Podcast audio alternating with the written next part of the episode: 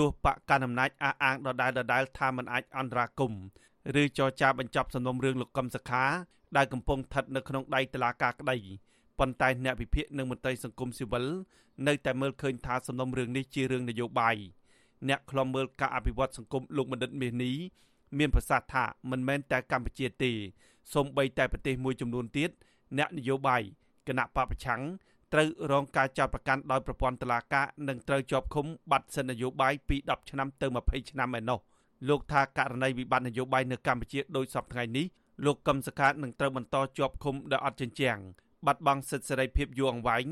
ដោយមិនទទួលបានការការពារក្តីត្រឹមត្រូវពីតុលាការឡើយ។ មើលឃើញតាំងពីដើមខ្លួនឯងថានឹងវាជាករណីនយោបាយទេសុទ្ធសាធនឹងជាការយកឃើញរបស់ខ្ញុំទេណាអានឹងរឿងរដ្ឋាភិបាលគាត់របស់រឿងរបស់គាត់ផ្សេងនេះតែណាយើងឲ្យនិយមនៃនៃអ្នកទោសនយោបាយគឺអ្នកទោសនយោបាយអត់មានការកាត់ទោសអីឲ្យជាប់ប៉ុណ្ណេះឆ្នាំប៉ុណ្ណេះឆ្នាំទេមានតែការក្រុមមនុស្សក្នុងទុកមិនឲ្យធ្វើសកម្មភាពនយោបាយណាលោកកឹមសុខាត្រូវបានសមត្ថកិច្ចចាប់ខ្លួនដោយចោទប្រកាន់ពីបទក្បត់ជាតិកាលពីឆ្នាំ2017ហើយសិទ្ធិធ្វើនយោបាយរបស់លោកត្រូវបានដកហូត នៅពេលដែលរបបលោកហ៊ុនសែនរំលាយគណៈបកសង្គ្រោះជាតិប៉ុន្តែកាលពីឆ្នាំ2019តឡាការបានបន្ធូរបន្ថយការត្រួតពិនិត្យខ្លះដោយអនុញ្ញាតឲ្យលោកអាចធ្វើដំណើរនៅក្នុងប្រទេសប៉ុន្តែហាមធ្វើនយោបាយនិងចេញទៅក្រៅប្រទេសទោះជាយ៉ាងណាសំណុំរឿងដ៏ធំនេះតឡាការមិនទាន់បញ្ចប់ការជំនុំជម្រះនៅឡើយទេគិតមកដល់ពេលនេះរយៈពេលប្រមាណ4ឆ្នាំនៃការបាត់បង់សិទ្ធិនយោបាយនេះអតីតសហការី និងមន្ត្រីស្និទ្ធលោកកឹមសុខាប្រមាណជាង20នាក់ បានសំសិទ្ធធ្វើនយោបាយក្នុងចំណោមអ្នកជាប់បម្រាមធ្វើនយោបាយប្រមាណ118នាក់អ្នកសម្របសម្រួលផ្នែកអង្កេតរបស់អង្គការខ្លំមើល Conference លោកកនសវាងយល់ថាការអូសបន្លាយរបស់តុលាការធ្វើឲ្យលោកកឹមសុខាខាត់ប្រយោជន៍នយោបាយក្នុងនាមលោកជាប្រធានគណៈបកនយោបាយប្រឆាំងនិងប៉ះពាល់សិទ្ធិសេរីភាពលោកធ្ងន់ធ្ងរមន្ត្រីសង្គមស៊ីវិលរូបនេះថារឿងក្តីលោកកឹមសុខាដែលកាត់ចេញពីបញ្ហានយោបាយបែបនេះពិបាកនឹងធ្វើឲ្យលោកកឹមសុខាទទួលបានភាពយុត្តិធម៌ពីតុលាការណាស់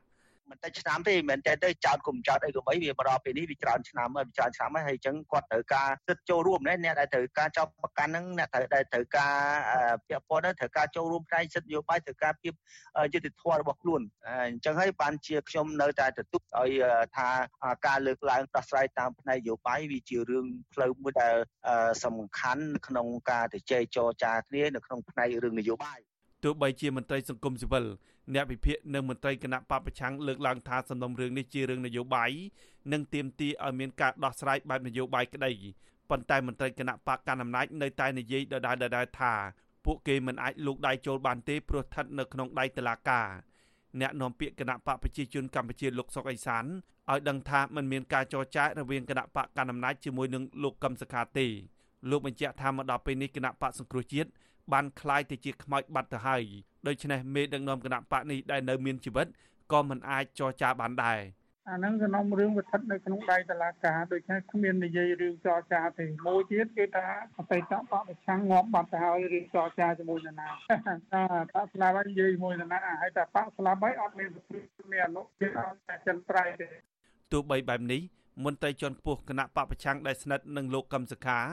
គឺលោកសួនសូរីដាធ្លាប់អះអាងថាលោកកឹមសុខាកំពុងស្វាត់ស្វែងរកដំណោះស្រាយនយោបាយជាមួយនឹងគណៈបកកណ្ដាលអំណាចរីឯក្រុមមេធាវីរបស់លោកកឹមសុខាក្រុងដាក់លិខិតស្នើទៅតុលាការឲ្យទម្លាក់បទចោទលើលោកកឹមសុខាអាស៊ីសេរីមិនទាន់អាចសុំការបំភ្លឺពីមេធាវីលោកផែងហេងស្ដីពីគម្រោងសុំតុលាការទម្លាក់ចោលបទចោទប្រកាន់រឿងក្តីលោកកឹមសុខាបាននៅឡើយទេ នៅថ្ងៃទី14ខែមិថុនានេះរីឯប្រធានសាលាដំបងរាជធានីភ្នំពេញលោកតាំងសុនឡៃ ក៏អាស៊ីសេរីមិនអាចសុំការអធិប្បាយបានដែរដោយទូរស័ព្ទចូលគ្មានអ្នកទទួលអ្នកខ្លំមើលការអភិវឌ្ឍសង្គមលោកបណ្ឌិតមាសនេះនៅមិនទាន់ដឹងថាបញ្ហានយោបាយនឹងមានដំណោះស្រាយបែបណាឬមានរបបនយោបាយថ្មីពេលណានោះទេទោះជាយ៉ាងណាលោកថាការវិវត្តបែបណានោះគឺអាស្រ័យទៅលើអារម្មណ៍អ្នកនយោបាយនិងការវិវត្តនយោបាយនៅក្នុងតំបន់